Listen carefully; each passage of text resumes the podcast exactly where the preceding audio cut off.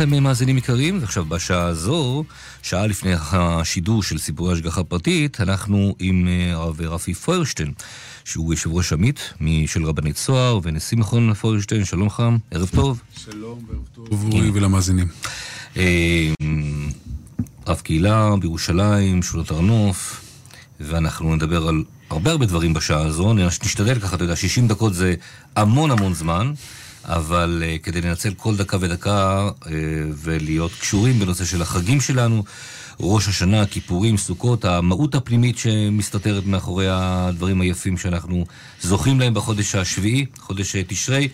אז בואו ננסה קודם כל להבין באמת, קודם כל אנשי הצוות שלנו. להם מגיע הקרדיט, משה זמיר, בוריס פרבר, כאן אורי רווח, ולנסות להבין כולנו את ראש השנה בפנימיות של כל יהודי ויהודי. כי זה נתפס לעתים גם בציבור הלא דתי, תפוח בדבש, לאחל שנה טובה מתוקה, אולי גם לשמוע תקיעת שופר איפשהו בבית הכנסת, אבל בוא ננסה להיכנס מה המהות, כי אולי גם אתה מהזרם הזה שהולך אה, בהמה ויראה ביום הדין הזה, כן? ובשמחה. או, ובשמחה. בהמה ויראה ושמחה. אוקיי. כן.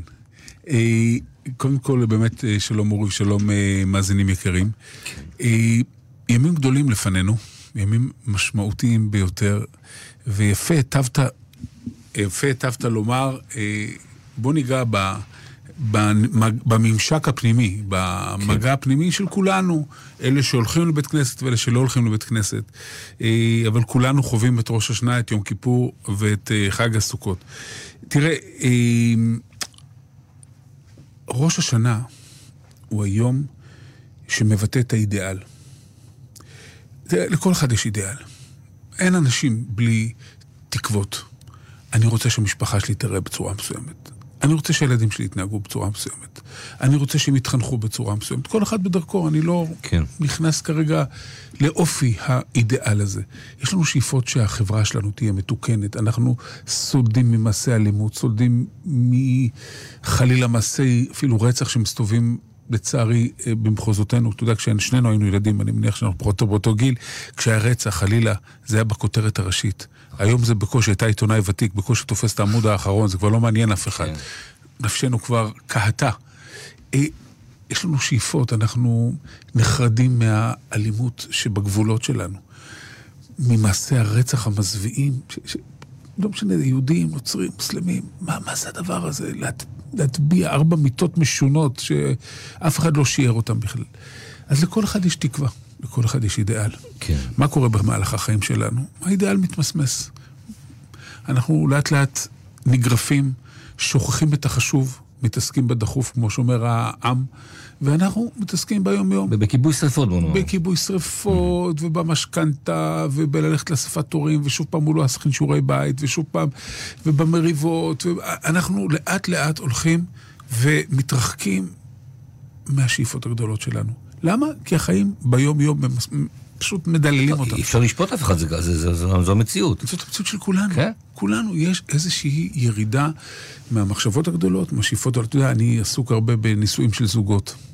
במסגרת ארגון רבני צוהר אנחנו מחתנים בשנה 4,000 זוגות שאינם דתיים, שזה מספר ענק. אתה רואה זוג צעיר, האור בעיניים. איזה שאיפות, איזה תקוות. בואו נפגוש אותם בעשר שנים אחר כך, עשרים שנה אחר כך. האם אותה אהבה, אותה שמחה, אותה, אותם חלומות, איפה החלומות ואיפה אנחנו? ולכן צריך יום אחד בשנה, וזה ראש השנה, שבו אנחנו חוזרים לאידיאל. ולזה קוראים בשפה היהודית מלכות השם, ממליכים את השם. מה זה נקרא להמליך את השם? נשמע באמת מילים גדולות, מילים מפוצצות, מילים ענקיות. להמליך, מה זה השם במובן הזה? מה זה, מבחינתנו, מה זה אמונה בהשם? זה אמונה בערכים, אמונה באלוקי ערכים. חז"ל כבר אמרו, אתה רוצה להידבק בהשם? תדבק במידותיו. מה הוא רחום? אף אתה רחום. מה הוא חנון? אף אתה חנון. אגב, זה מאוד מעניין, אנחנו מרבים לומר 13 מידות בימים האלה בסליחות, ורבי משה קובדוביירו בספרו תומר דברה אומר ש-13 המידות, רחום, חנון, זה אנחנו. אנחנו צריכים להתנהג בצורה של פיוס, של רחמים. נדמה לי שאנחנו uh, כל כך רוצים uh, להיות מאוחדים, באמת, כל עם ישראל, כל גווניו, על כל uh, זרמיו, וזה לא ממש פשוט. נכון, וזה ממש לא פשוט. Mm. אבל, אבל זה בדיוק ערוצים. החלום הוא שנגיד שלום אחד יפה לשני. אתה יודע, כשאני הייתי ילד בשכונת קריית משה בירושלים, הלכנו בליל שבת להתפלל בבית כנסת, ולידינו שכן שטף את המכונית. לא בדיוק הדרך שלנו, אנחנו גם לא היינו בדיוק הדרך שלו. אבל ידענו להגיד בחיוך שבת שלום אחד לשני. לימים חיתנתי את נכדתו, את שני נכדיו, mm. עשרות שנים אחר כך, כן, שעוד לא נולדו. אני רוצה לומר שכולם רוצים אחדות, אבל כשזה מגיע ליום-יום, ראינו את כן. ה...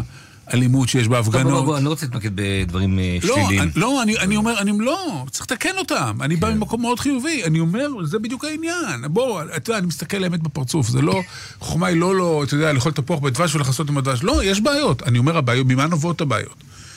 אז היהדות, הפילוסופיה היהודית אומרת, הבעיות נובעות מזה ששכחת את האידאל. החיים לקחו אותך צפונה וימינה ואתה אימפולסיבי.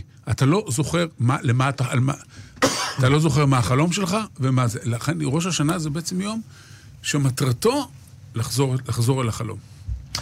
בוא נסתכל על הציבור הגדול, הציבור החרדי, דתי, לאומי. אמ, אני, אני באמת שואל, נניח במצב כזה, ערב ראש השנה, עושים חשבון נפש. אנחנו אמורים לתת, להיות נר להעיר, דוגמה אישית לציבור, נניח, לא ידעתי שמסתכל על כל דמות חרדית, כאילו הוא עכשיו הדמות שאמורה לתת את הסמכות, ואני שואל את חשבון הנפש שלנו, האם אנחנו צמודים לתורת ישראל, שולחן ערוך, ללא פילוגים, ללא התפלגויות, ללא מחלוקות. אה, לא משנה, אני מדבר לאו דווקא הצוהר והמתח עם הרבנות הראשית, בכלל, mm. כל, ה, כל הציבורים, אה, זה, כן? כן? איפה אנחנו כאן? איפה אנחנו נותנים את חשבון הנפש? כל אחד ואחד מאיתנו. החרדים, בעלי התשובה, הדתיים, מכל הסוגים. אני אגיד לך, חשבון הנפש, ואני גם רוצה להכניס פה את החילונים ואת המסורת. אין חילוני, כל יהודי הוא קדוש. לא, חילוני במובן הזה שהוא... לא שומע תורה לא ומצוות לעת עתה. אני כן. איתך, איך שלא תגדיר את זה. אוקיי. אני, אבל דבר אחד חשוב לי, להבין שיש לנו מה ללמוד אחד מהשני. נכון. בסדר? אתה יודע מה? אני חושב על אנשים שאינם שומרי תורה ומצוות, אני הולך עם ההגדרה שלך. לעת עתה, כן. זה הגדרה שהרבי אה, מולובביץ'. ואני רואה אותם שולחים את הילדים שלהם לעזה, שיהיו בריאים. איזה מסירות נפש של יהודי. נכון. אדם יכול היה לרדת, אדם היה יכול, ויש כאלה, לצערנו הרב, ולא מעטים שעושים את זה, לצערנו. אבל, ואתה רואה אנשים שמתנדבים והולכים ליחידות מובחרות, והכיפה היא לא על ראשם. ואתה רואה את המסירות נפש הזאת, ואתה רואה את האכפתיות הזאת לכלל. אני רוצה ללמוד מזה. לא, אני לא פה שונאת חלילה בחרדים, ואני לא, לא במקום ציני. מצד שני, עבור חרדים שבנם אה, לומד תורה יומם ולילה בישיבה, זו מסירות נפש אה, לא פחות. נכון, כן? נכון, רק ששם יש ממש מסירות נפש בכפשותו חלילה. זאת אומרת, שלא נדע, שיהיו בריאים. כן. אבל הם הולכים בין הכדורים חלילה, שלא נדע. כן. זאת אומרת, מה שאני רוצה לומר, זה ש... יש לנו מה ללמוד אחד מהשני. ברגע שאני יודע שיש לי מה ללמוד ממך, אפילו שדרכנו אולי לא בדיוק זהות, יש ניואנסים, אבל אני יודע שאני צריך ללמוד ממך משהו, ואתה יודע שאתה צריך ללמוד ממני משהו, זה כבר יוריד את המתח. עכשיו תשמע, זה גם חיים במשפחה. מה זה חיים במשפחה? כל הילדים מצאו אותו דבר, כולם סוברים באותה סברה, כולם הולכים באותה צורה, נכון. כולם מתלבשים באותה צורה, במשפחות שאינן דתיות, דתיות, איך שאתה לא רוצה, חרדיות, לא. אבל מי שרוצה לשמור על משפחה מאוחדת, חזון, השאיפה הגדולה, יודע שהוא צריך לדעת להכיל. איך מכילים? אמר הנציב מוולוז'ין, זה אומנם לא לסדר עכשיו, אבל הוא אומר, ארבעת הבנים, חכם, רשע, תם ושנו יודע שיושבים על אותו שולחן. כן. החוכמה, זה לא שאחד, זה שולחן של ראשי ושולחן. איך אתה מדבר עם כל השולחן שלך? אתה מדבר עם כל המשפחה. העם שלנו זה מין שולחן גדול כזה. וכל אחד הוא צדיק במשהו. אלה שהולכים צדיקים. אלה ש... כולם, כן. יש להם מה ללמד. ברגע שנבין שהאמת הגדולה, האלוהית, האלוקית, לא נמצאת אצל אף אחד. היא ירדה, לבניצ... היא, התפרקה לניצוצות, כל אחד מחזיק ניצוץ, כל אחד מחזיק שלהבת מסוימת. כן, אבל מה שמאחד אותנו זה שולחן ערוך, נכון, בלבד.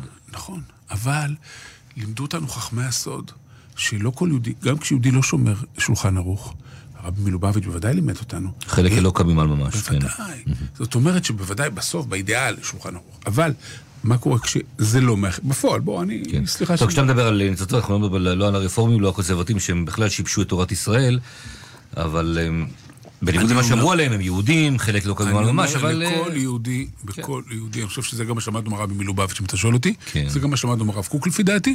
כן. בכל יהודי יש איזשהו... נכון. איזושהי אמת. בכל יהודי... ניצוץ. בכל יהודי יש גם איזושהי פסולת. צריך לדעת לנקות את הפסולת, זה יום כיפור. אבל צריך לדעת לזהות את הניצוץ, זה ראש השנה. בראש השנה אנחנו אומרים, כל הרישה כולה כעשן תכלה, אבל, וכולם יעשו אגודה אחת. איך נעשים אגודה אחת? יש אנשים שטועים וחושבים, כולנו נהיה אותו דבר. לא. הברסלברים אומרים, כולנו נהיה באומן. החב"דיקים אומרים, כולנו נהיה ב-770. הקוקניקים אומרים, כולנו במרכז הרב. אלה אומרים בכלל הכנרת. אלה אומרים בכלל בטמפ... מה זה כולם אגודה אחת? אגודה אחת פירושו של דבר שנשכיל למצוא את האמת הפנימית שבכל אחד, ולדעת לסלק את ההבדלים, אבל, כן. אבל להבין שיש לי מה ללמוד ממך, מכולם. מכולם, כל אחד ואחד, נכון? נכון, נכון. זה, זה נכון לחלוטין. ונעשה כולנו אגודה אחת, לעשות רצונך בלבב שלם. כן, כנראה שזו משימה לא פשוטה להיות באחדות, כי אתה רואה, אתה רואה משפחות, מריבות, על דברים שנמשכים שנים על גבי שנים, ומטענים שליליים, וירושות, וסכסוכים. אני לא מדבר על uh, גירושים ועניינים של שלום בית, שהשם ישמעו, זה יצר הרע מכה בדור הזו, בדור הזה, uh, פעם פחות בציבור החרדי, עכשיו הרבה יותר בציבור החרדי, בציבור הלא דתי, ובאופן גס ביותר, נוגס והורס משפחות. ובגלל לפעמים, בגלל שטויות. עכשיו, אה, אה, האחדות הזו שאתה נדרש אליה, וכל אחד מאיתנו נדרש אליה, מביאה אותנו למצב שאנחנו שואלים את הקדוש ברוך הוא, מתי כבר הגאולה תגיע? מתי משיח מגיע? מה, מה, מה עוד חסר? מה עוד צריך לקרות? ואנשים באמת נמאס להם. זאת אומרת, אתה מדבר גם על חב"דניקים וגם על ברסלבים, כל, כל הסוגים, רוצים כבר משיח. איך מסבירים לציבור ש... אנחנו למדנו ש... יש מחלוקת בגמרא איך בית המקדש ייבנה, בגמרא במסך צוקה. יש מי שאומר, בית המקדש, אנחנו נבנה אותו. בית המקדש העתידי, בית המקדש השלישי, שלא ייחרב, אנחנו נבנה אותו בידינו אנו. ויש מי שאומר שבית המקדש ירד בנוי משוכנע. מהשמיים. כן, הרמב"ם. אז זה מחלוקת תנאים, כן. ונכון. עכשיו, מה זאת אומרת? שכשאתה מדבר על משיח, אתה מדבר על גאולה, אתה מדבר על שני כתבים. מה אני עושה כדי לצפות למשיח? ציפייה? ציפייה זה לא תהליך פסיבי, זה תהליך אקטיבי. אני מצפה למישהו, אני מצפה למשהו, זה לא שאני אשאר בבית בחיבוק ידיים. אני מצפה, אני צריך לעשות את המאמצים שלי כדי לקדם. ויש אמונה שגם כל הפותח פתח מלמטה, הקדוש ברוך הוא יסייע אותו מלמעלה. כן. עכשיו, כשאתה מדבר על משפחה, אני אומר, זה עבודה. זה לא רק לצפות שהכל יהיה בסדר. זה בדיוק, אתה, אתה לוקח את זה, בוא נחזור לימים נוראים. זה לחזור קודם כל לאידאל. אז כשבאים אליי משפחות למשל עם שלום בית, ואתה רואה את הקטטות האלה שהזכרת אותן, ואת המריבות על כסף, על דברים, יש לכם ילדים. מה זה עושה לילדים שלכם? אז כבר נגמר הסיפור הזה. לא. אז אני רוצה להגיד לך שלא. זאת אומרת, אתה מחפש את נקודת האידיאל. אתה מחפש את הנקודה שבה אני מתרומם מהאגו, אני מתרומם מהאינטרס, מה, אני רוצה שהילדים שלי עכשיו יחיו. אני לא אומר, לפעמים אגב, גירושין זה פתרון טוב להורים מסוכסכים. לחיות בבית בין שני הורים כאלה, נכון. יכול להיות שהפתרון היותר טוב הוא לילדים, אבל גם אז איך אתה מתגרש? נכון. האם אתה פוגע בילדים? האם זה שאתה פוגע בבן או בת הזוג, שאתה אחוז רגשי כעס, אתה לא מבין שיש מי שמשלם את המחיר שזה נפשות תמימות צעירות שעוד לא חטאו ולא עשו כלום, ואתה הבאת אותם לעולם? זאת אומרת, חפש, במצב של משבר, חפש את נקודת האור. חפש את נקודת האידיאל. זה ראש השנה. נכון, לכן אמרת, אמרת, בוא לא נדבר על דברים, בוא לא נדבר, אבל כן, התפילה כן. מדברת. התפילה מדברת על הראשון. טוב, אז אצלך, ראש הממשלה זה להמליך את המלך, ולא לבוא להגיד כמה לא, אנחנו... אבל אה, לא, אבל בתפילה מדברת על כמה אנחנו. אז מה זה, הריש, מה זה כל הרישה כולה קשה תכלה? אז מה, איך עושים את זה? מחפשים את נקודת האידיאל. אני מרגיש שהחיים שלי ריקים, אני מרגיש שהחיי המשפחה שלי חלילה, לא שלי, אבל נגיד ריקים. איפה הנקודה של האידיאל? איפה הנקודה של החיבור בינך לבין רעייתך? חדש אותה. זה מה שנקרא יום נישואין. אז ראש השנה זה יום הנישואין הגדול. זה היום שבו אתה מתחבר חזרה אל הזוג הצעיר שיושב לך בסלון, ואתה מסתכל, זה אני, זה היא, איך אהבנו? רגע, בוא נחדש את האהבה, המלך בשדה. זאת אומרת, כל הרעיון של ראש השנה זה להוריד את העטיפות, להוריד את האבק, להוריד את הלכלוך, להוריד את הזוהמה, שהחיים שלנו התכסו בה, ולחזור אל הנקודה הטובה, האידיאלית. אה, נשמע עכשיו את רק תפילה יישא של אברהם פריד, ונפרסם מספר הטלפון שלנו. אה, בעוד כמה דקות נוכל להכניס אתכם לשידור, מי שירצה לשאול שאלות או הלכתיות או אה, עניינים פנימיים שקשורים בחגים, אז מוזמן להתקשר ל-072 333 2925 משה יענה לטלפונים, 072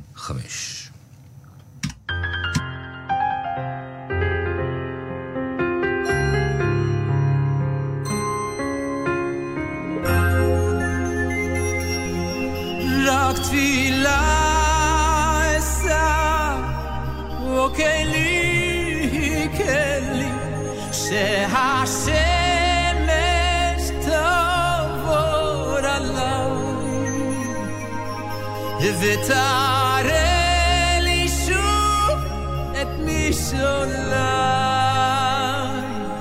נו, כלי, כלי, רק תפילה אשא, שהשם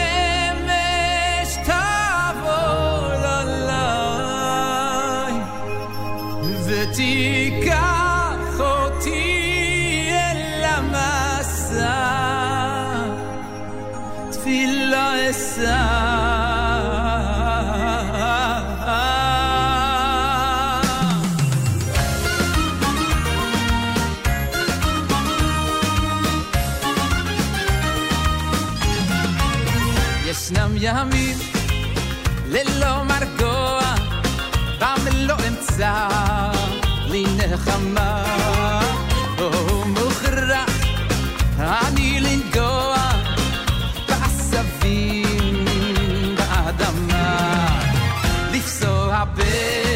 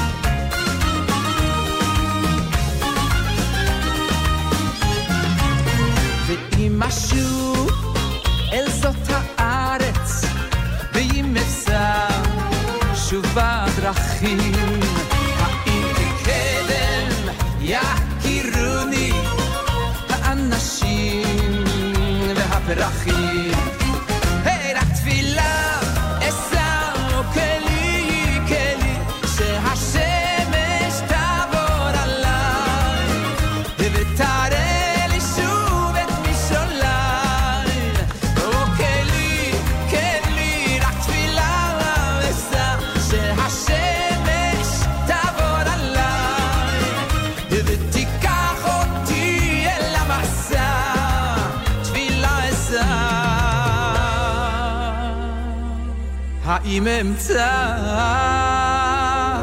את כל היופי, את הבאר הנושנה, אשר הייתה שם כשעזבתי, עוד נובעת כבראשונה.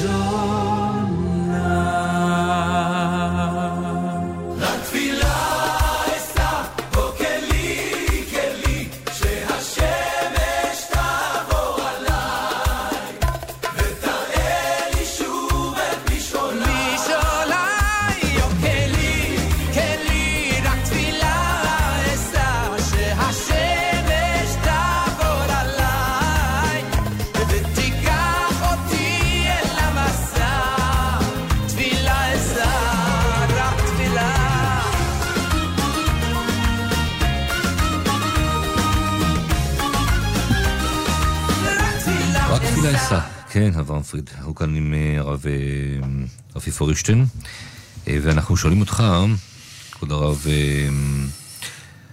יום כיפור, סליחה. איך בעצם אדם צריך לבקש סליחה מחברו? כי על זה הקדוש ברוך הוא... זה לא עניינו. כן. איך, איך עושים את זה? תראה, שאלה מאוד סבוכה. אני הייתי מחלק את, ה, את ייסורי המצפון שלנו לשני, לשתי משפחות. משפחה אחת, זה מסוג הדברים הנקודתיים. כן. זה היה לי התבטאות לא נכונה, פגיעה לא מכוונת, כן מכוונת. אתה יודע, אזור אומץ בנפשך, תפתור את הבעיה, תלחץ יד, תסתכל. אבל אני מוטרד יותר, זה עוד, איך אומרים, אני רואה רואה איך פותרים את זה. אני מוטרד יותר ממערכות יחסים מסובכות. אתה הזכרת קודם את מצב המשפחה. את מצב כן. המשפחה. כולנו, תראה, כולנו חיים במערכות מורכבות. כמעט הייתי אומר שאין משפחה, ואני אומר את זה כרב קהילה בעשרות השנים האחרונות, אין משפחה שאין בה פגיעה. אי אפשר שלא. הבדיחות על החותנת, שאנחנו מרבים, יש בהם כנראה גם איזשהו גרעין מסוים לפעמים, לא תמיד. זאת אומרת, יש בתוך משפחות, דווקא משפחות מלוכדות, יש חיכוך. לא תמיד יש גריז בין גלגלי השיניים, ויש... אבל הרבה פעמים זה מערכות של שנים. אני אמרתי לו משהו כשהוא היה ילד, זה אמר לי, איך פותרים אותם? איך... איך פותרים אותם? איך, איך משנים מערך סבוך ומורכב?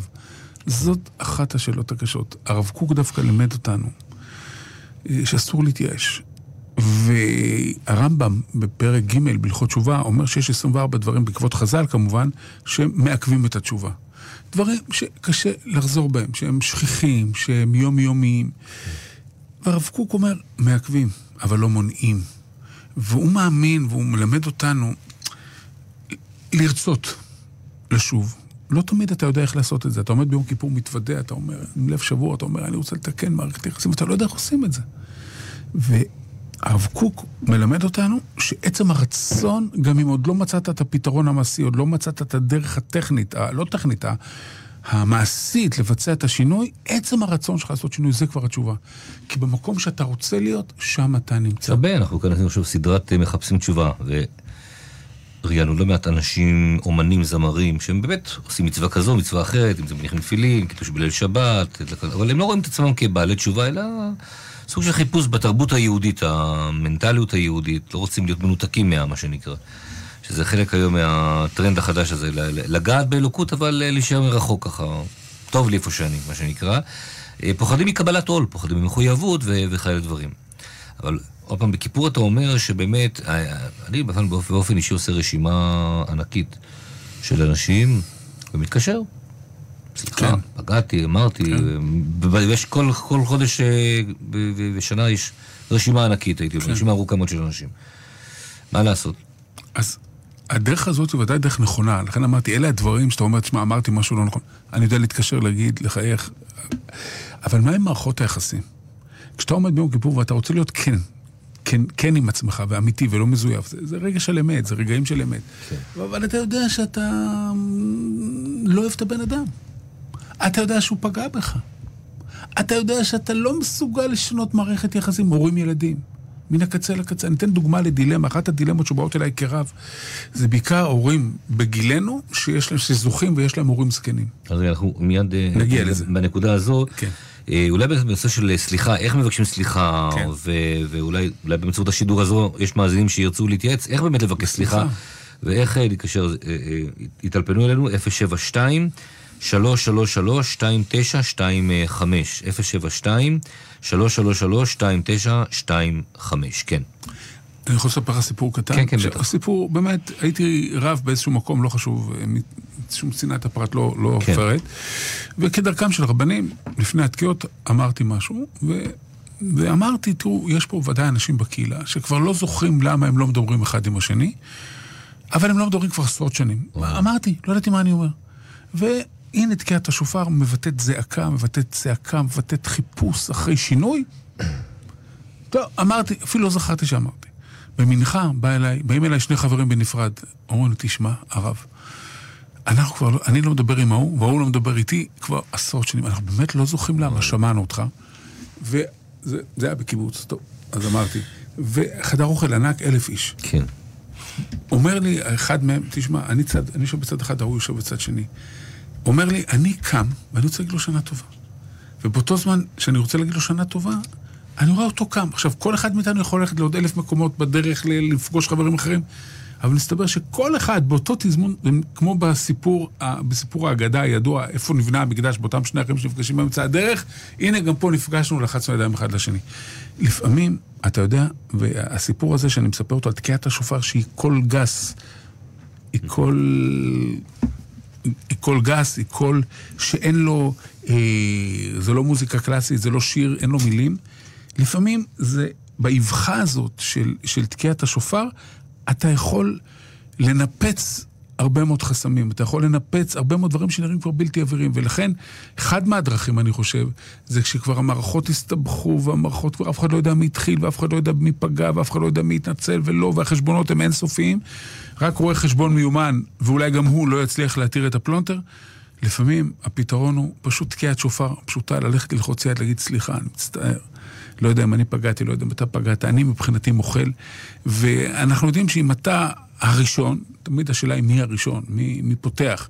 אם אתה הראשון, הרבה פעמים אתה תקבל את אותו מענה, כמים הפנים לפנים, כן לב האדם, אתה תקבל את אותו מענה חיובי, ולפעמים דווקא בלחיצת יד אחת, אה, אתה עשוי לפתור אה, פלונטר של הרבה מאוד שנים, שאף אחד כבר לא זוכר איפה הוא התחיל. אבל אני חושב שיש פה עוד היבט אחד, וזה דווקא שרבי נתן, תלמידו של רבי נחמן, אה, מזכיר, ואומר שכשאדם מלמד זכות, אנחנו תמיד אומרים, אל תדין את האדם עד שתגיע למקומו. אל תדין את האדם, אתה לא יודע למה הוא פגע, למה הוא עשה, אין לך מושג איזה צרות יש לו בחיים, אין לך מושג למה הוא עשה את מה שהוא עשה. אומר רבי נתן, אל תדין את האדם עד שתגיע למקומו, נאמר גם על האדם עצמו. אל תדין את עצמך. כי אתה גם לא יודע, נהגת שלא כשורה, עשית משהו שלא יעשה. אבל לך תדע איזה תסבוכים, איזה חוויות ילדות, איזה טראומות של עבר עברו עליך. אני כמובן אומר את זה בלשוני ולא בלשונו, אבל לזה הוא מתכוון, והוא אומר, תדין את עצמך גם לזכות. אדם צריך גם לדעת לדון את עצמו לכף זכות. כן, זה נכון. להתפייס עם עצמו. זהו, אז התהליך הזה של פיוס עצמי הוא תהליך של עבודה הרבה הרבה יותר טרום ראש השנה וטרום עשרת ימי תשובה. ועוד מעט נתעכב על זה, אבל לפני כן נדבר על המכון הזה, מכון פוירשטיין, שאביך עליו השלום היה אה, כן. ממקימו. אה, הקים אותו. כן, אה, ואני, עניין של תקומה, כל תקומה. עוסק בפיגור שכלי של אה, ילדים, נכון? אה, לא רק, זאת אומרת, הוא עוסק... שיטת חינוך שמטפלת שיטת בנושא. חינוך שמקדמת את האדם, כן, כן. כן. שתפקידה לקחת את האדם, היום לא קוראים להם פיגור שכלי, קוראים להם מוגבלות שכלית התפתחותית. אוקיי. אה, ככה בלשון יותר, הייתי אומר, נקייה, מתכוונים לאותו דבר, אבל אומרים את זה בצורה יותר יפה. אה, אבל גם אנשים רגילים ש... שרוצים לקדם את עצמם. אגב, זה נכנס בעוצמה רבה לרחוב החרדי. אני לא אשכח את הביקור של אבי מורי זצ"ל. אה, זכיתי להיות איתו אצל הרבי מבלז, והרבי זה היה מאוד מרגש, בא ולקח, אבא כבר היה יהודי מבוגר, בא לחדר המתנה ולקח אותו ביד, וביקש ואמר לאבא, תראה, אני יודע שאתה יודע לטפל באנשים עם צרכים מיוחדים. הוא שלח לאבא גם, כמו שסיפרתי לך גם ביחידות קודם, את ה... שהאדמו"ר מלובביץ', כן. הרב מלובביץ' שלח אליו, כן. כמו רבים אחרים, אבל הוא אמר, שאלתו, האם אתה יכול לעזור לי בעולם הישיבות? כי יש לי, הוא נקב באחוז גבוה מאוד, אני לא רוצה לחזור עליו כרגע, של תלמידים שלא מצליחים ללמוד, שלא מבינים. האם השיטה שלך, שהיא, שהיא מלמדת את האדם כיצד ללמוד, שיטת פוירשטיין, מלמדת את האדם, האם אתה יכול לעזור לי? ומשם מתפתח, הכשרנו אלפי מחנכים, ממש אלפי מחנכים מכל, אתה יודע, אתה מגיע לקורסים שלנו, אתה יכול לראות את רב הלך, ואתה יכול לראות אנשי ש"ס ואנשי חב"ד ואנשי... ואתה רואה את כולם יושבים ולומדים איך אני אלמד את דף הגמרא בצורה טובה יותר. אז זה באמת הולך עם אנשים עם צרכים מיוחדים. וזה הולך גם לאנשים, אגב, אני בעצמי אבא לבחור עם תסמונת דאון. זאת אומרת, זה מה שהביא אותי אה, להצטרף לאבי. כן. אז מאוד חוויתי את המהלך הזה של תשובה, של להחזיר לאדם את צלם אלוקים שלו. ואני אומר, אם אפשר לעשות את זה עם הבן שלי עם תסמונת דאון, אפשר לעשות את זה עם כל אדם. כן. ולכן לא להתייאש. אז אה, דיברת קודם על הרבי, הוא היה ביחידות עם הרבי, אביך. כן. בוא ספר. אז אה, אה, אבי, כן, אבי היה בקשר, הוא לא היה חסיד חב"ד, אבי דווקא היה רוז'ינאי. היה חסיד של הרבי מבוהוש ושל הרבי מוויז'ניץ, הרבי מבוהוש הוא התחבא בזמן המלחמה בבוקרסט, ברומניה. אבל הוא היה חסיד בנשמתו, והרבי היה שולח אליו אה, מטופלים במהלך השנים, ואחד הסיפורים המרגשים שריגשו מאוד את אבא. היה כשהוא התבקש לבוא לשבט אינדיאני בשמורות בארצות הברית. ושם אחוז האובדן של בני נוער, אחוז ההתאבדות היה מהגבוהים בעולם, אם לא הגבוה בעולם. אנשים מאוד מנותקים מהתרבות שלהם, מעצמם, ובאמת עם ריקנות כזאת שהובילה לאובדן. ואבא, כן. בתפיסה שלו, נורא מאוד האמין בכך שאם אתה לא נותן לילד שלך, ולא משנה מי אתה, את העבר שלו, את המסורת שלו, אתה בעצם יוצר אדם תלוש. זה הרעיון היהודי של חינוך, של העברת מסורת, והגעת לבנך וכולי. והוא התלבט אבל, להגיד להם להעביר את התרבות שלהם זה להגיד להם ללמד עבודה זרה, כי זו הייתה התרבות המקורית שלהם. מותר לי? הוא שאל את עצמו. כל השבוע הוא מתלבט, כן, לא, כן, לא. מגיע ביום שישי, הוזמן לרבי, מגיע ביום שישי, המשפט הראשון שהרבי אומר לו, פרופסור פוירשטיין, תנצל את השפעתך העולמית, כי הוא היה אדם מנהיג עולמי בתחום החינוך, כדי לשכנע את העולם לקיים שבע מצוות בני נוח. הוא אומר, כל השבוע אני מתלבט, כן, לא, כן, לא, כן, לא, והנה, המשפט הראשון שהרבי אומר לי, פתר לי את הבעיה, כן? יש בסוף גבולות, והגבולות הם אה, שבע מצוות בני נוח. אה, אז באמת אה, היו מערכות קשרים שאני לא מספיק יודע אותם עד הסוף, אני יודע שהיו התכתבויות, ואני יודע שהיו שאלות והיו תשובות. ואבא באמת, תראה, אבי זצ"ל פרץ דרך עולמית של חינוך, שהמהות שלה היא להאמין בפוטנציאל האנושי. כן. להאמין שבכל אדם, בכל אדם, יש מהות עמוקה שאפשר לממש אותה, אפשר להוציא את הפועל, בין אם זה הבן שלי עם תסמונת דאון, ועוד רבים כמוהו, ובין אם זה אדם, כמה הורים יש מתייאשים מהילדים שלהם. אתה, ממך לא יצא שום כן. דבר, ממך לא יצא כלום. ממש לא. זה ביזיון לצלם אלוקים שיש בכל אדם, ובכל אדם יש יכולות, ויש יכולות תמונות, וצריך לדעת לממש אותן. בואו נעבור רגע למה שהתחלנו בו בנושא הזה של סליחה, תהליך הפיוס הזה. כן. הרצון, קודם כל לסלוח לעצמי ולסלוח לאחרים. איך עושים את זה באמת? אני אגיד לך, שזה באמת בא מכל הלב, כי אתה לפעמים יכול לבוא לבקש סליחה, או לזהות את זה, באמת לא, זה רק לס- לסמן וי, וזה לא באמת קורה. אז אני אגיד לך, אני רוצה לתת משהו שבעיניי הוא אחת מעבודות המידות הכי גדולות של הדור שלנו, וזה הנהיגה בכביש. נשמע מוזר, נכון? כן. נשמע מוזר, מה זה? קשור? מה הקשר? מה הקשר? מה הקשר? שאנשים נהרגים חלילה לא עלינו ונפצעים ונכים, ובסוף זה עבודת המידות, כן? עכשיו, הרבה פעמים, אתה יודע, אתה עומד בתור ארוך, ועומד כבר חצי שעה בפקק, ופתאום בא איזה שגץ אחד, עוקף אותך משמאל, אין לו סבלנות לחכות, אתה מחכה כבר שלושת רבעי שעה, והוא נכנס פנימה. ואתה כועס, מה זה הבן אדם הזה, איזה התנהגות איפה התרבות, איפה המוסר, איפה ההגינות, איפה הצדק. ואז זה קורה לי, ואז אני אומר, רגע, רגע, לא קרה לך פעם שטעית? לא קרה לך פעם שהיית חייב למהר, דחוף, והחלטת שאתה עושה את זה? ופתאום אתה מסתכל על עצמך מהצד השני. קוראים לזה בלעז אמפתיה. ואתה פתאום אומר, רגע, אני באמת לי שוקולד תכלת? הוא פגע בי, אני אף פעם לא פגעתי במישהו. הוא אמר לי משפט לא יפה, אני אף פעם לא אמרתי למישהו משפט לא יפה. הוא עקף אותי בצורה לא מוסרית, אני אף פעם לא עשיתי את זה. ברגע שאתה פתאום מזהה אצל עצמך, אתה מסתכל במראה ואתה רואה בשני, שלכאורה חייב לך סליחה, אתה מזהה את עצמך, פתאום יותר קל. פתאום יותר קל. פתאום האגו קצת... כי הבעיה בסוף היא האגו. כן, זה נכון, הישות העצמית היא מקור כל החטא, אבל איך, איך מגיעים בכל זאת לסוג סוג של הכרה שבאמת אה, אסור ליטור, אסור לנקום, אז אני, אומר... שזה זה- מעסיק את כל אחד ואחד זה מאיתנו מעסיק ביום יום. כל אחד ואחד מאיתנו, ואני אומר, מספיק אם מישהו עושה לך משהו, פגע בך, במשפחה, חבר. עצור דקה, עצור דקה, שאל את עצמך אם גם אתה עשית פעם משהו כזה. אני מבטיח לך, ודאי. בדיוק, שאין דבר שאסור לך שלא עשית לאחרים. לא סתם הלל הזקן אמר, כל מה ששנוא עליך, אל תעשה לחברך, כי כנראה שזה קורה. זה, אני שונא שעושים לי את זה, אני נפגע כשעושים לי את זה, אבל, אבל, כשאני עושה את זה למישהו, כשמישהו עושה לי את זה, אני מתמלא בצדקנות תמימה, מה, איך הוא עשה לי את זה? אז אני מציע להפוך את המשפט של הלל. כל מה ששנוא עליך ועשו לך, גם אתה, לצערנו, עשית לאחרים. ואז פתאום אתה מקבל פרופורציות. זה לא כזה שאתה איזה מין טלית שכולה תכלת, ואתה באמת איזה צדיק תמים שהולך בעולם שלנו, ולא פוגע בזבוב ולא בכף רגל של נמלה.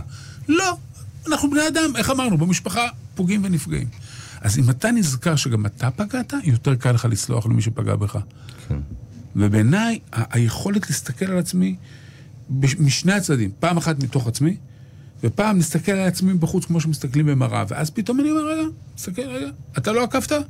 אתה לא נסעת במהירות מופרעת? לך לא חסר, גם כן. לך לא חסר. אבל אה, לא, צריך להסתכל יותר עליו, על הפנימיות שלנו יותר, בפנימה שלנו, מה, מה קורה איתנו. וש...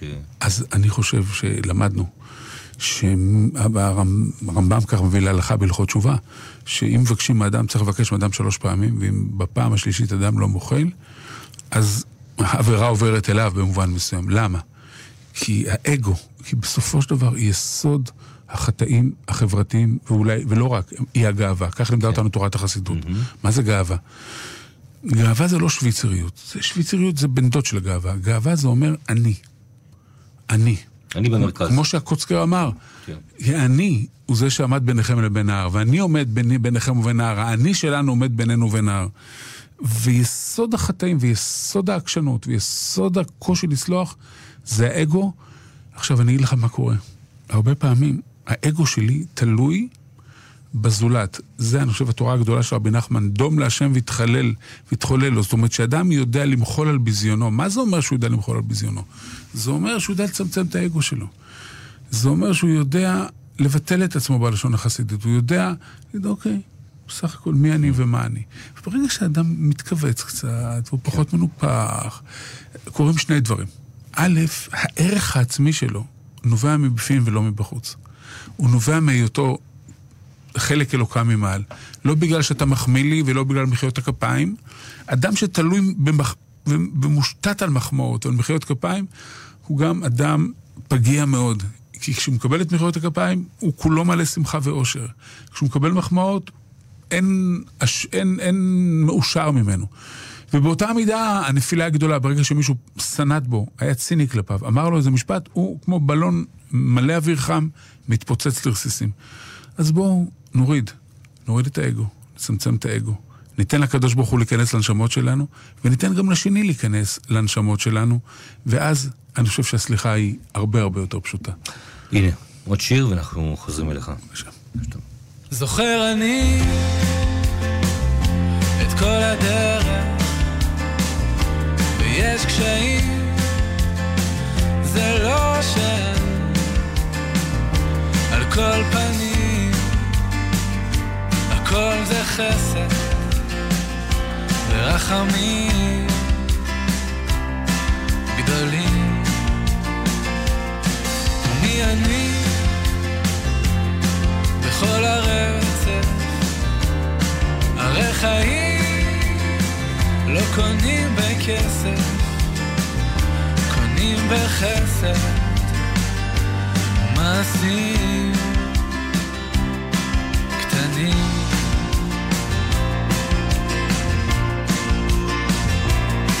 וכל היום וכל הלילה.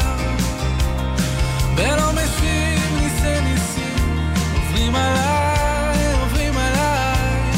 אני יודע זה מלמעלה. ולא הכל ורוד אבל הכל זה טוב, טוב בחיי. זוכר אני בכל ויש דברים שאני לא יכול לשכוח. על כל פנים לא הכל רשמתי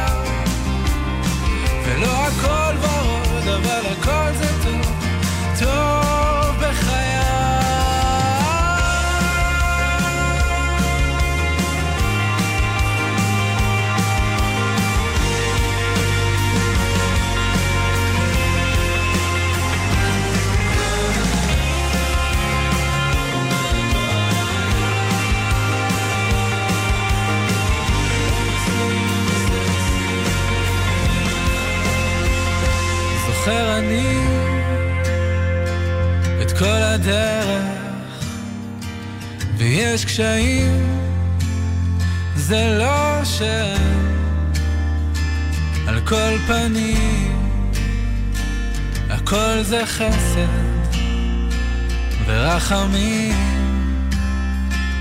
גדולים כאן מורשת עם הרב אה, רפי פוירשטיין מרבני אה, צוהר, יושב ראש עמית של רבני צוהר ונשיא מכון אה, פוירשטיין. שואלת ב-SMS, למה ראש השנה קודם לכיפור?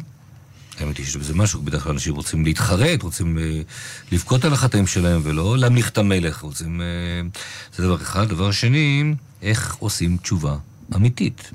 כן. תראה, לגבי השאלה הראשונה, אה, אני חושב שהיחס הוא עוד פעם בין...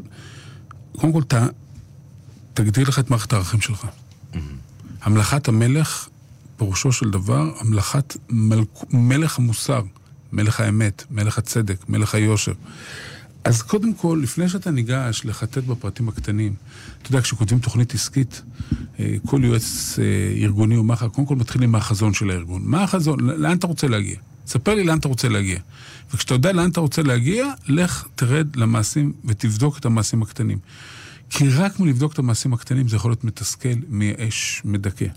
אבל אם אתה, קודם כל, בודק את החזון שלך כאדם, כמשפחה, כעם, אתה יכול לרדת לפרטים. אז ראש השנה הוא למעשה היום שבו אני בודק את החזון שלי, מקבל על עצמי מלכות שמיים, פירושו של דבר, מקבל על עצמי את האמת ואת הצדק ואת היושר, את אותם ערכים שהקדוש ברוך הוא רוצה ממני, שאני אלך, אחיה לאורם, ועכשיו אני בודק את עצמי בפרטים הקטנים, זה יום כיפור. יום כיפור, אה, ההלכה היא שלא מתוודים בראש השנה, לא אומרים על חטא שחטאנו לפניך. לא מתוודים. בראש השנה מתחברים, מתחברים מחדש, ולכן זה גם יום שמח, זה גם יום של דין, אבל גם אה, נחמיה אומר שם, לכו, איכלו אה, אה, משמנים ו- ושמחו, כי גדול היום להשם אלוקיכם. זה יום של שמחה, של חוזרים לאמת, חוזרים לערכים הבסיסיים שלי. כן. יום כיפור, יום החמלה הגדול, יום הרחמים, מטפל אה, בפרטים הקטנים. אני רוצה גם באמת לומר, שאחד הניסים המופלאים שקרו לעם ישראל בארצו, בארץ ישראל, זה העובדה שמעבר לכל המחלוקות על שבת ואפילו על ראש השנה, יום הכיפורים עדיין, ברוך השם, נשמר כיום מאחד. יש המון אנשים שצמים, כן באים לבית כנסת, לא באים לבית כנסת, התנועה שובתת, בסדר, יש את האופניים, אוקיי. קוריוז. כן, אבל... אבל... יש גם באים עם הנייד אפילו ביום כיפור לשמוע תקיעת שופר ולחזור בחזרה. אז אני יכול לומר לך שלארגון רבני צוהר שהזכרת, ויחד עם אה, ארגון יחד של אורטורסטון, יש לנו כ-300 מניינים ביום הכיפורים שמפורסמו בת 40, כ-50-60 אלף ישראלים כן. לאותם מניינים. אחד בא לחמש דקות, אחד בא לנעילה, אחד בא לכל נדרי, אחד בא לשניהם, באים עם הילדים, יש מחזורים מיוחדים. ואתה רואה פתאום שעם ישראל צם. ובאותו משקל, אמר שם גם בחב"ד, ובחב"ד, אוהלים, אוהלים פתוחים. אוהלים, וראיתי עכשיו בחב"ד קטמון, אני כן. ירושלמי. לנו יש מקום בשבילך, כן, אצלנו זה לא בכסף.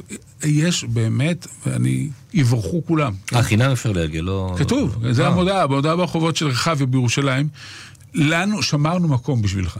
שזה נפלא, כן, בדרך כלל זה עולה, כן, שמרנו מקום בשבילך. כולם. יש צמאון ענק, ויום כיפור הוא אחד הימים. תשמע, אני חייב... אני רוצה לשתף אותך, אני, לצערי הרב, בהיותי בכיתה ט' פרצה מלחמת יום כיפור, בשנת תשל"ג, 73. איבדתי בן דוד במלחמה הזאת, שהיה הסדרניק וירד לה, יחד עם חברו שני, מרדכי פרשטיין ומרדכי ינאי, ירדו לתעלה להיות שליחי ציבור ונפלו ביום הכיפורים ממש, בשעה שהם ניסו להימלט מהמוצב המותקף באמצעות טנק. אני רק אספר שהבן דוד שלי, מוטי פורשטיין, זיכרונו לברכה, מהמושב נחלים, השם ייקום דמו, היה נעדר במשך כשלושה חודשים. המשפחה, כולנו, היינו... אני לא יודע איך לתאר את זה, כן? בין שמיים לארץ. חיפשנו בדל של תקווה, הסתכלנו בטורים של השבויים הישראלים שעברו את התעלה לשבי במצרים, וחשבנו שמצאנו אותו שם והתבדינו. מצאו אותו כחודשיים שלושה אחר כך, קבעו בקונטרה, עם 20 גופות של חיילים. כבר היה קשה לזהות. Mm. את מוטי זיהו על סמך הציצית שסבתא בתיה שלי תפרה לו. היא לא הייתה רק עושה את הציצית, היא הייתה תופרת את הטלית. כן. וזיהו אותו על סמך הטלית קטן שהוא הקפיד שהיא תהיה בגודל מסוים וכולי וכולי וכולי, כך זיהו את מוטי בן דודי, השם ייקום דמו. וואו. אז יום הכיפורים, אני חושב שעם המלחמה שהיא כיבדה חיים שלי, זה 2,500, סליחה שאני לא זוכר את המספר כן, כן, המדויק, כן. חיילים קדושים וטהורים ויקרים. איחדה אותנו פתאום, נתנה את העוצמה המשותפת, ואני חושב שגם מי שלא נולד במלחמה ההיא, היא יודע על מה מדובר, זה חיבר אותנו, דתיים, חילונים, מסורתיים. אה, נכון, נכון, נכון. אז לכן יום כיפור הוא יום מאחד, הוא יום מחבר. צריך לחזק את החיבור שלו, כל אחד בדרכו שלו, כדי באמת, אה, כי זה באמת הנשמה שלנו כאן, במדינה ובארץ שלנו. אוקיי, נדבר עכשיו על סוכות וימינו תחבקני, כל הגילוי של השמחה, של, של מעבר מדירת קבע לדירת ארעי, לעשות את דירת הארעי דירת קבע. אה, אתה יודע, זה אני חושב שחג שהרבה הרבה אוהבים אותו, כי אתה נכנס למקום שבאמת מאחד, כן. מחבק, ו... כמו שנגענו בעמוד הפנימית של ראש השנה, ניגע כן. בעצם הדבר החשוב הזה כן. של חג הסוכות. כן. אה? אז יש פה הרבה מאוד היבטים, יש היבט אחד מעניין, ש- ש- עוד פעם, אה, שהרב קוק, אה, שהרב קוק ציין אותו, זה שכשאנחנו בימים נוראים, כפי שהם מכונים ראש השנה ויום כיפור, שיש בהם שמחה, כפי שציינו, אבל יש בהם גם לחץ, יש בהם גם כובד, יש בהם גם חשבון נפש. והוא אומר, זה כמו בעצם תהליך שאדם מתכנס בתוך עצמו. אה, הנוער קורא לזה היום חופר בתוך עצמו, מחטט בתוך עצמו, ופתאום הכוחות האלה שהם אה, חודרים פנימה לתוך האישיות, מתפרצים החוצה לשמחה של סוכות, כן? שהיא בחוץ, שהיא מחוץ לבית. שחג האסיף, שבו אדם שמח, עליו נאמר אה, בתורה ושמחת, אה, ושמחת בחגיך, כן? אה, אז השמחה הזאת כתוצאה מהעבודה הפנימית של ראש השנה ויום כיפור, כל אחד בדרכו שלו, אחד בכלל והשני בפרטים, אה, יוצאים החוצה פתאום אל, ה, אל המרחב הגדול, אל, ה, אל המשמעות הגדולה אה, ולחיים עצמם, ומאפשרים את השמחה של, שבאה מתוך הנקיות, שבאה מתוך ה... אה, הפנימי ומתוך חשבון הנפש הפנימי, ופתאום אפשר לשמוח שמחה יותר נקייה.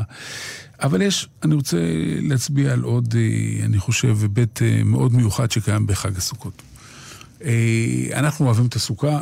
זכור שירה הישראלי כל כך והחביב כל כך של נעמי שמר, שלומית בונה סוכה. אה, כן, שמציין דווקא את החוויה הישראלית של, של החג הזה. אה, שלומית בונה סוכה. אה, אבל סוכה היא לא תמיד הדבר הכי חביב. כי היא באמת דירת ארעי, כן? כשישנו בסוכה, כזוג צעיר רעייתי ואנוכי, אשתי, שהיא בוגרת מלחמת ההתשה בקיבוץ טירת צבי, פחד, פחדה מכל רעש. פחדה, כי היא חוותה איזושהי חוויה בימי ילדותה של חשש מחדירות של מחבלים וכו' וכו'. כן. זאת אומרת, אז פתאום הסוכה הייתה איום. סוכה בלילה, פתאום רכשים, קולות של תנים, צעדים שהם לא ברורים. זאת אומרת, יש בחוויה הזאת יציאה, דווקא הבית, אשתי מקפידה, אומרת, תנעל את הבית. כן. זאת אומרת, ופתאום יש איזושהי חוויה של חוסר... סתם, בחב"ד למשל לא נוהגים לישון בסוכה. כזה עניין של כל כך, אה, אורות כל כך קדושים, ככה זה, אז זה מאוד מאוד אה, לא פשוט, אבל זה כבר עניין אחר. אה, דיברנו על חסד והנתינה, ואני ככה במאמר מוסגר בשיחה שלנו מכניס את גלית מבורך ממשרד הרווחה על קו הטלפון. ערב טוב. טוב, שלום שלום, ערב טוב. גלית. שלום. מה שלומכם? בסדר גמור. מצוין. משהו לקשישים אה, בחגים האלה שרובם ככולם אה, צריכים וזקוקים לסיוע. אנחנו מדברים על אה, הקצבה המאוד העלובה שקשיש מקבל היום, אבל משהו לעשות טוב לחג. אה, אז- שאתם, זה אנחנו רוצים אה, לשמוע ממך. אה, אז כן, משרד הרווחה בהובלתו של שר הרווחה מר חיים כץ מארח קשישים בחגי תשרי בבתי אבות של משרד העבודה והרווחה. כל אזרח אה, ותיק שנמצא לבד ובודד ואין לו אצל מי להתארח, או הוא רוצה להתארח אה, במקום שהוא בוחר, מוזמן להגיע לבתי האבות שלנו, לבחור חמישה ימים מתוך חגי תשרי, או את ערב ראש השנה והחג אחר כך, או בסוכות, את הימים שמתאימים לו. אה, ואנחנו נשמח לארח אותם איך, כדי איך, שלא יישאר. איך, איך מגיעים אליכם? בכל. בכל הארץ יש uh, מחלקות לשירותים חברתיים, יש שם עובדים סוציאליים שמטפלים בנושאי זקנה. פונים אליהם, הם מתאימים. לזקן את הבית אבות שמתאים לו. כן, אבל גם אה, אין, המוקד אין, אין, איזה, שלנו... אין איזה טלפון, מוקד, משהו, כן? יש, רגע, וגם מוקד 118 של משרד הרווחה פועל לצורך העניין וניתן להתקשר אליו. אוקיי. כל מי שרוצה, אנחנו נשמח שיפנה אלינו כמה שיותר מהר, כדי שנוכל להתאים לו ולתת לו מענה לצרכים שלו. אף אזרח ותיק לא צריך להישאר לבד בחג, זה חשוב לנו מאוד. מה זה אזרח ותיק? אילו גילאים אנחנו מדברים? מגילאים 62 לנשים, 67 לגברים. אוקיי. ובאמת זו הזדמנות אה, להפיג את הבדידות אה, ולהיות ביחד ולא לבד על שולחן החג. זה נכון. אה, איפה הנופשים הללו? אה, ברחבי הארץ פזורים אה, בתי אבות, וכל בית אבות אה, יכול לארח בחיבור אלינו. פשוט צריך להגיע למחלקות הרווחה או להתקשר למוקד 118, ואנחנו נעשה את החיבור. הקשישים אמורים להגיע לבית אבות לנופש? כן, או בנופשונים שנמצאים בתוך בתי אבות. כן, כן, כן. אה, נופשונים אב... שנמצאים בתוך בתי אבות. או בית אבות, יש לא לנו נראה, כל... כי לא נראה לי שקשיש שהוא גלמוד יבוא ל... ל... להתחבר למישהו שנמצא עם אינפוזיה ועם אה, מחלקות לא, לא, לא, לא, א', לא, לא, לא, בתי אבות של משרד העבודה והרווחה הם לא בתי אבות לאנשים סיעודיים, הם לאנשים עצמאיים ותשושים. Mm-hmm. אנחנו מארחים במקומות שלא אה, סיעודיים ולא עם אינפוזיה, אנשים אה, עצמאיים או עם ירידה תפקודית קלה. כן. זה בתי האבות של משרד העבודה והרווחה. יפה. אה, הסיעודיים הם של משרד הבריאות. מה יש להם שם בנופשונים? אז הם מגיעים, הם יקבלו כמובן אה, ארוחות אה, במשך היום, יש פעילות חברתית, יש פעילות לקראת החג, יהיו סביבם אנשים שהם יוכלו להתחבר אליהם, ואנחנו חושבים שלהיות ביחד עם פעילות חברתית, עם ארוחת חג, עם ארוחת בוקר וערב, ומקום לישון ולא להיות לבד, זה הכרחי בחג הזה. לא יכול להיות שכולנו נשב על שולחן החג והאזרחים הוותיקים של מדינת ישראל יהיו לבד. אוקיי, גלית מבורך, תודה רבה לך על הדברים הללו. תודה רבה, ואתם מוזמנים באהבה. כן, אז הנה, אז יש לנו מוקד 118, או לפנות למחלקות לשירותים חברתיים. נכון, בכל עיר, בכל רשות מקומית יש את ה... אוקיי. תודה רבה. תודה רבה, גלית. שנה טובה לכולם. שנה טובה ומתוקה. בשורות טובות. אמן, ביי ביי. טוב, הרב פרנשטיין, אתה רואה את הדברים האלו. עוד יוזמה ככה, שלא נגיד שאנחנו מפרסמים רק דברים שליליים. דברים לא. טובים, צריכים לפרסם. עם ישראל, מדינת ישראל היא מדינה של חסד. היא כל השנה מדינה של חסד, היא מדינה של עמותות, היא מדינה של באמת, אתה... זה לא בדיוק כבוד גדול למדינת ישראל, לה עמותות וארגוני סיוע, אבל... אה, אני אגיד לך, החלטנו שאנחנו רוצים לראות את הפן החיובי, נכון? כן, נכון. אז אני אומר לך, אני, כתוב שעולם חסד ייבנה. ומדינה לעולם תעבוד במקרו, בדברים הגדולים, במסות.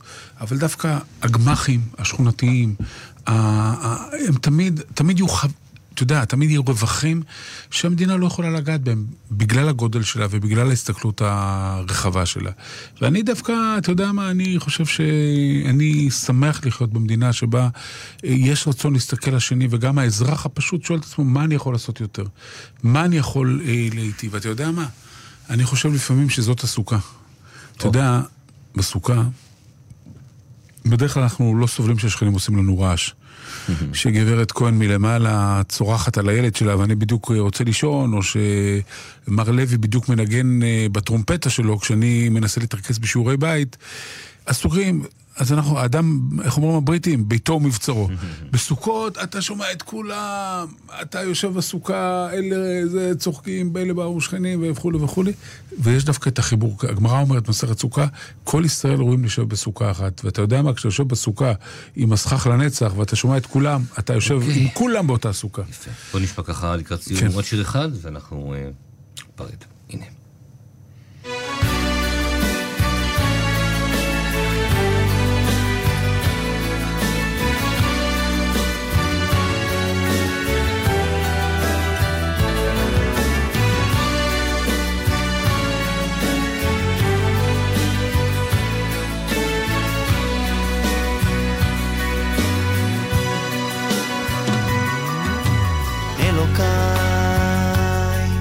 מחשבה טובה עמוק בלב רקמתי. לחבר לך מילים ומנגינה. אלוקיי לא מעט שירים כתבתי ומחקתי. אנא שפתיי תפתח לומר לך תודה. ואם תרחיב ליבי כמים הזורמים בתוך הים ותפרוס ידיי בכל קצוות העולם. אין לי מספיק לומר תודה. התגדל והתקדש שמך לעולם מבורך על נשמה ונשימה על החיים במתנה. התגדל והתקדש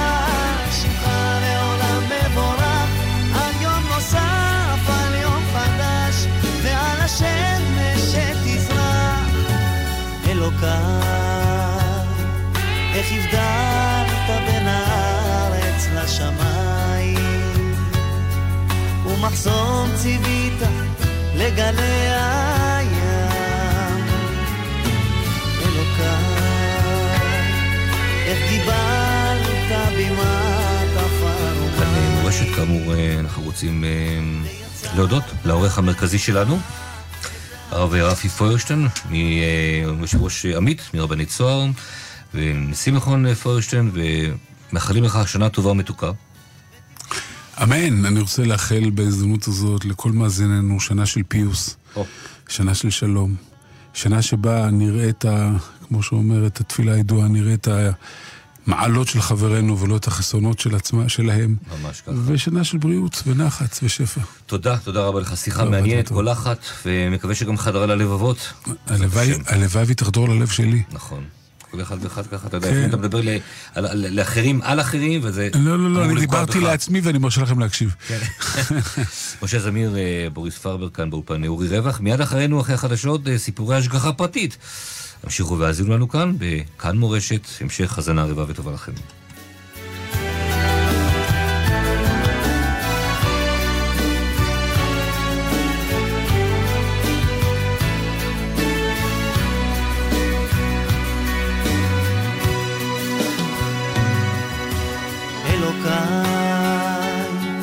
בקשה אחת בכל אמצא לה שום מרגוע או תרופה. אלוקיי, בקשה אחת בכל כוחי חפצתי, שיתגדל ויתקדש לעד שמך. ואם תרחיב ליבי כמים, הזורמים בתוך הים, ותפרוס ידיי בכל קצוות עולם. איני מספיק לומר תודה. כאן מורשת, מיד חוזרים. כאן מורשת. רגע לפני יום הדין